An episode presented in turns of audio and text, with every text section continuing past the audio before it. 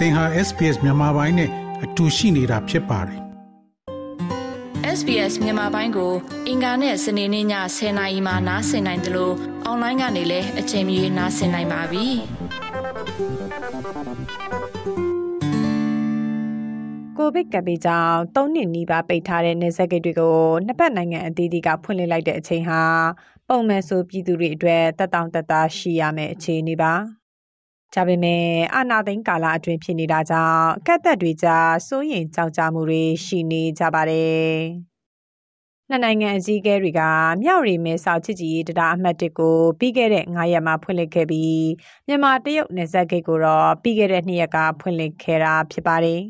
။ပြန်လည်ဖွင့်လှစ်လိုက်တဲ့ထိုင်းမြန်မာနယ်စပ်ချစ်ကြည်ရေးတရားကနေအိမ်စီးကအချို့နဲ့ခီးသွားတွေကိုဝင်ခွင့်ပြုထားပါတယ်။ အဲ့ဒီလိုခွင့်ပြုရမှာလဲခရီးသွားတွေအနေနဲ့မှတ်ပုံတင်နဲ့ COVID-19 ဆေးထိုးလက်မှတ်ရှိရင်တရက်နေထိုင်ခွင့်သာရရှိပါသေးတယ်။ခုနှစ်ရက်နေထိုင်ခွင့်ကတော့မြောက်ရီမြို့ကန်အိမ်နောက်စုစီးရင်ပြနိုင်သူတွေသာရရှိနေပြီးတခြားမြို့ကလာတဲ့သူတွေအတွက်တော့မနက်6နာရီကနေညနေ6နာရီအထိတရက်သာရရှိမှာပါ။ဖွင့်လှစ်လိုက်ပြီးတဲ့နေ့ကစပြီးထိုင်းနိုင်ငံမဲဆောက်မြို့ထဲမှာမြန်မာအင်စီကားတွေသွာလာနေတာကိုတွေ့ရပါတယ်။ ဒါပေမဲ့အချိန်တရက်သာရရှိတာဖြစ်ပြီးတောလာခွင့်စောင့်ဆိုင်ဖို့စစ်ကောင်စီလက်အောက်ခံလူဝင်မှုကြီးကြပ်ရေးဌာနကထုတ်ပေးတဲ့စာအုပ်ရရှိအောင်နှစ်ရက်စောင့်ဆိုင်ရတယ်လို့သိရပါတယ်။ဒီလိုကန့်သက်ချက်တွေရှိနေပေမဲ့အခုလိုနေဆက်ဂိတ်ဖွင့်လှစ်တာဟာအလုသမားတွေအတွက်ကောင်းတာတွေရှိတယ်လို့မြန်မာပြည်သားများရေးပူးတွဲလှုပ်ရှားမှုကော်မတီဥက္ကဋ္ဌဦးမိုးချိုကပြောပါတယ်။အဲ့တော့ဒီတရားဖွင့်လိုက်ခြင်းအပြင်ထိုင်းနိုင်ငံမှာရှိတဲ့ရွှေပြောင်းလူသားတွေမိသားစုနဲ့တွေ့ကျင်တဲ့အခါ ချစ်သူခင်သူတွေတွေ့ကျင်တဲ့ခါမှာမြောက်ရီမှာသွားတွေ့လို့ရလေမြန်မာပဲချမ်းမြောက်ရီကိုချိန်ပြီးတွေ့လို့မရဘူးလားစားစားတာအပြည့်စုံရှိမယ်ဆိုထိုနည်းလည်းကောင်းပဲထိုင်းနိုင်ငံကိုစားစားတာအပြည့်စုံနဲ့အလေဘက်ခေါ်လို့မရဘူးလားဒီမဲဆောက်လောက်တော့ရတာပေါ့အဲဒါမျိုးအထောက်ထားအစုံအနေနဲ့လုပ်မယ်ဆိုတော့ဒီဌာနအမတန်ရေးကြီးတာပေါ့ကျွန်တော်တို့တရားဝင်သွားလာရေးအရေးကြီးတာတော့ဒီ legal migration ဒါမှမဟုတ်လေဒီ safety migration ဆိုတာအမတန်အရေးကြီးပါတယ်တရားဝင်သွားလာဖို့ဆိုတာနံပါတ်1စားစားတာအပြည့်စုံရှိရမယ်ကို့မှာ မြန်မာဘက်မှာလည်းမြန်မာဘက်ထိုင်းဘက်မှာလည်းထိုင်းဘက်စားဆန်အပြည့်ဆိုနံပါတ်1ကအဲ့စားဆန်အပြည့်စုံနဲ့အခုလိုတရားဝင်လမ်းကြောင်းတွေသွားမယ်စားဆန်ရှိပြီးတော့လေဂိတ်ကကူးတာမျိုးတောင်မြစ်ကိုဖြတ်ကူးလာလို့မဖြစ်ရဘူးစားဆန်ကလည်းဒီလိုအမှတ်တတရားရှိမယ်အမှတ်တတရားမဲဆောက်မှာရှိတဲ့တရားဝင်သွားရမယ်ဒါဆိုရင်တရားဝင်သွားမယ်ဆိုရင်အဖမ်းမခံလောက်ခမှပေးရန်30စီးရုံပဲကာကွယ်ဥပဒေမှဆိုရင်ထိုင်းဥပဒေပါအခွင့်အရေးတွေရနံပါတ်1အဖမ်းမခံဆိုတာမိသည့်ထိုင်းအာဏာပိုင်အဖွဲ့အစည်းကမှအဖမ်းမခံအောင်လောက်ခမှထိုင်းဥပဒေတိုင်းတတ်မှတ်ထားတဲ့ပတ်300ကျော်ရှိတဲ့လုံအားကားတွေရ လောက်ခမှာပေးရန်30ဆေးရုံပဲမြည်သည့်ရွှေပြောင်းလုပ်သားမဆိုတရားဝင်အထောက်ထားရှိတယ်ဆိုပတ်30ပေးပြီးတော့ဆေးရုံဆေးပန်းရတယ်မှာအခြေခံကျန်းမာရေးစနစ်တွေစောက်ရှောက်ခံလို့ယူခွင့်ရှိတယ်ကာဝယ်ဥပဒေမှာထိုင်းဥပဒေမှာပါဝင်ထားတဲ့အလုံသမားတယောက်ရသေးရတဲ့အခွင့်အရေးတွေကိုထိုင်းဥပဒေရဲ့ကာဝယ်ဆက်ရောက်အောက်မှာမိမိဟာရရှိတယ်အဖမ်းမခံလောက်ခမှာပေးရန်30ဆေးရုံပဲကာဝယ်ဥပဒေမှာဒါထိုင်းဥပဒေရဲ့စောက်ရှောက်မှုတိတိကျကျတိတိပရရှိ ချစ်ကြည်ရေးအမှတ်1တရားဖွင့်ဖို့ကိုစစ်ကောင်စီဘက်ကပြီးခဲ့တဲ့နှစ်မေလကလေးကကြီးညာခဲ့ပြီးရှစ်လအကြာမှဖွင့်လှစ်ခဲ့တာပါတရားပြန်ဖွင့်ဖို့ပြင်ဆင်ခဲ့တဲ့ရပ်ပိုင်းတုန်းကလည်းကုန်သွယ်ရေးလမ်းကြောင်းကြီးတစ်ခုဖြစ်တဲ့ကရင်ပြည်နယ်မြဝတီခရိုင်ကော့ကရိတ်မြို့နယ်ကအာရှလမ်းမကြီးမှာမိုင်းပေါက်ကွဲခဲ့ပါသေးတယ်။ဘုံပေါက်ကွဲမှုတွေမကြာခဏဖြစ်ပွားခဲ့ပြီးပြီးခဲ့တဲ့နှစ်အောက်တိုဘာလအတွင်းကလည်းတရားအနီးပေါက်ကွဲမှုဖြစ်ခဲ့ကကားနှစ်စီးမီးလောင်ပျက်စီးခဲ့ပါတယ်။ လက်ရှိတရားပြန်ဖွင့်ပြီးနောက်မှာတော့မဲဆောက်ဘက်ကနေမြောက်ရီဘက်ကိုပြန်မဲ့ခီးသည်တွေကို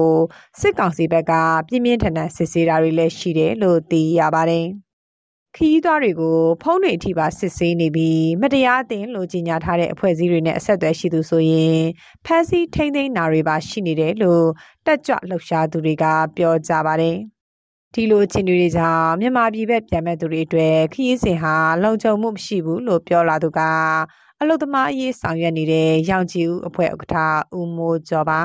အာတာမတ်တဲ့ပို့ပြီးတော့ဟိုစစ်တာတွေပေါ့ပူးနေတဲ့လာတဲ့ပူးပြီးဒီဘက်ကိုလာတဲ့လူတွေရှိတယ်ပူးသွားဖို့ပြင်ဆင်နေတဲ့လူတွေရှိတယ်သူတို့စုံစမ်းနေသူတို့သိရှိတဲ့ချက်တွေရဆိုလို့ရှိရင်ကျွန်တော်ပါဒီစစ်ဆေးမှုတွေအရင်ကျန်တယ်ပေါ့ဖုန်းတွေမျိုးစစ်တာတွေရှိမယ်မတင်ပါဘူးဆိုလို့ရှိရင်ဒီလိုနဲ့ပတ်သက်တယ်လေအဲဒီအကြမ်းဖက်အဖွဲ့အစည်းတွေသူတို့ဘက်ကတုံးတဲ့ဟာပေါ့ဗျာအစကားဘက်ကတုံးတဲ့ဟာအကြမ်းဖက်အဖွဲ့အစည်းတွေကိုဟိုဟိုလားဟုတ် လူခဲ့ဘူးလား ထောက်မှုလုပ်ခဲ့ဘူးလား ရှိသလား ဒီလိုမှတ်တမ်းမျိုးတွေ အဲ့ဒါမျိုးနဲ့ ပတ်သက်တာတွေနဲ့ ဆက်ဆက်မှုရှိလားဆိုတော့စစ်စစ်မင်းများမှုရှိတယ်လို့ အကြမ်းမြင်ကျွန်တော်သိရပါတယ်ဗျ အဲ့ဒီတွဲကြောင့်မလို့ စစ်စစ်ခံပြီးတော့မတင်ငါဘူးဆိုလို့ရှိရင်ဟိုဟဟိုဖမ်းတာတွေဖေးသိမ်းထားတာမျိုးရှိရဆိုတော့နောက်ဆက်တွဲ ကျွန်တော်သိနေရပါတယ်ပေါ့ဒါ လုံခြုံမှုမရှိဘူးလို့ ပြောလို့ရပါတယ်ဟုတ်ကဲ့ ထိုင်းမြန်မာနယ်စပ်တရားကနေကူလို့ရတဲ့မဲဆောက်မြို့လေးဟာအာနာသိမ့်ပြီးနောက်မှာတော့နိုင်ငံရေးတက်ကြွလှုပ်ရှားသူတွေ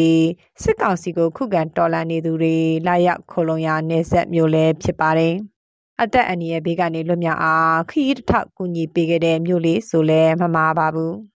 စစ်ကောင်စီကနေဆက်ကိတ်ကိုတရားဝင်ဖျက်ဆီးတာလာခင်ပေးလိုက်တဲ့အချိန်မှာတော့မဲဆောက်မြို့ဘက်မှာမလုံမချုံနေရတဲ့မြန်မာနိုင်ငံသားတွေအတွက်စစ်ကောင်စီတပ်ဖွဲ့ဝင်တွေအချိန်မရွေးရောက်ရှိလာနိုင်တဲ့အန္တရာယ်ကိုကြောက်ရွံ့နေကြရပါပြီ။နိုင်ငံရေးတက်ကြွလှုပ်ရှားသူလည်းဖြစ်လွတ်တော်ကိုယ်စားလှယ်ဟောင်းတူလည်းဖြစ်တဲ့အသက်40အရွယ်အမျိုးသမီးတူကတော့သူ့စိုးရိမ်နာကိုအခုလိုပြောပါတယ်။တရားဖွင့်လိုက်တဲ့အတွက်ဒီဘက်ကိုရောက်နေတဲ့ပုံတုံလာတဲ့ပေါ့နော်။ ပုံတုံလာတဲ့ဒီလိုတက်ကြွလှုပ်ရှားသူအပါဝင်ပေါ့နော်။ပါတီဆိုင်ကလူတွေတွတ်တော်ကိုယ်စားလှယ်တွေအတွက်အရန်အန်တီရရှိနေပြီးတော့ဟိုအမအနေနဲ့မြင်နေတယ်နော်ဟိုရဲကိုလည်းကြောက်ကြောက်ရတယ်ရဲဆက်တလားကို300 350ပေးလုပ်နေတယ်လူတွေရတယ်အမကကြမ်းရှိတော့ပေါ့နော်လုပ်ထားတယ်ဒါပေမဲ့ရဲဖိုင်းပတ်စံပေးနေရတာပဲပေါ့နော်အဲ့လိုတရားဖွင့်လိုက်တဲ့အခါကျတော့အမားတို့တွေပါဝင်ပေါ့နော်အဲ့ဒီလူမျိုးတွေကပို့ပြီးတော့ဟို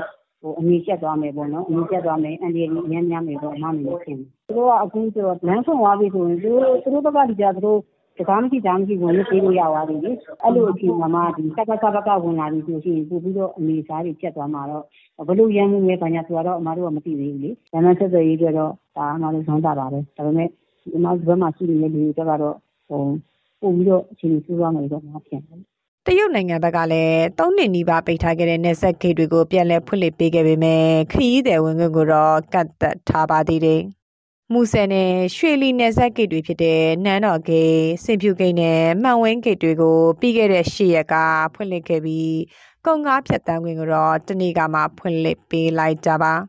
မန်ဝင်းဂိတ်မှာတော့12တန်ကုန်ကားတွေကိုဖြတ်တန်းသွားလာခွင့်ပြုခဲ့ပြီးနေ့စဉ်ကုန်တင်ရင်100ကျော်200နီးပါးဖြတ်တန်းသွားလာနေပြီလို့သိရပါတယ်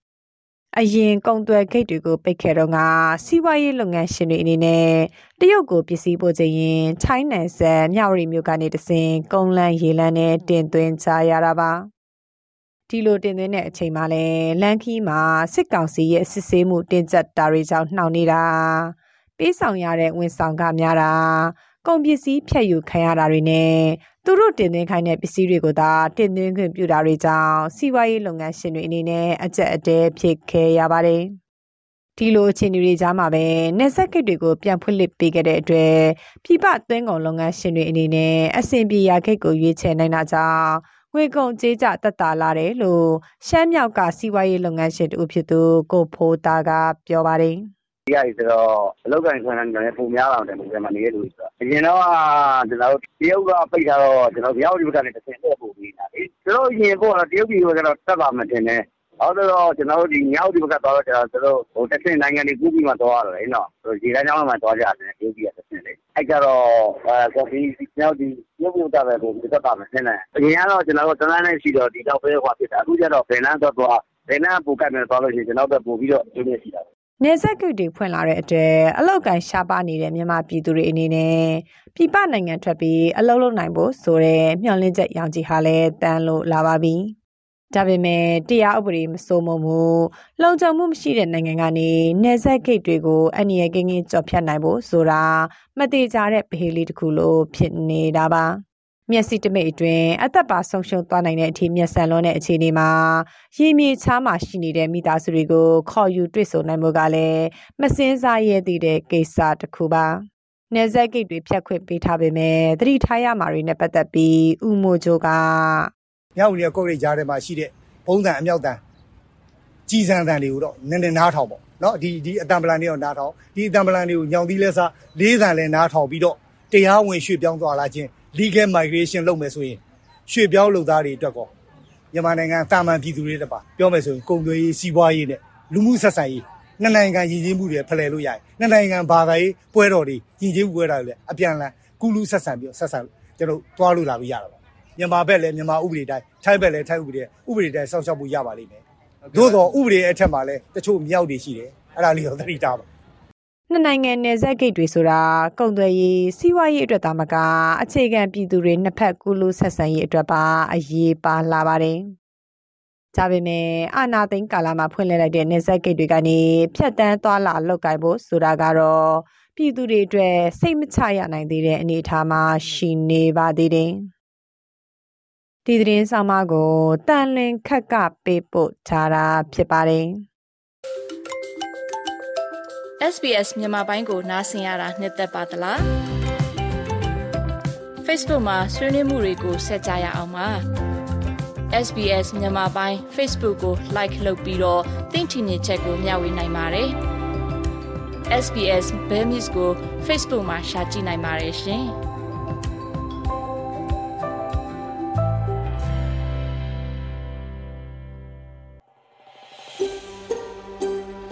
ဒါမျိုးသတင်းဆောင်မတွေကိုပိုနားဆင်လိုပါလား Apple Podcast Google Podcast Spotify တို့မှာသင်ပင်ရာဖြစ်ဖြစ်ရယူတဲ့ podcast ကနေပါ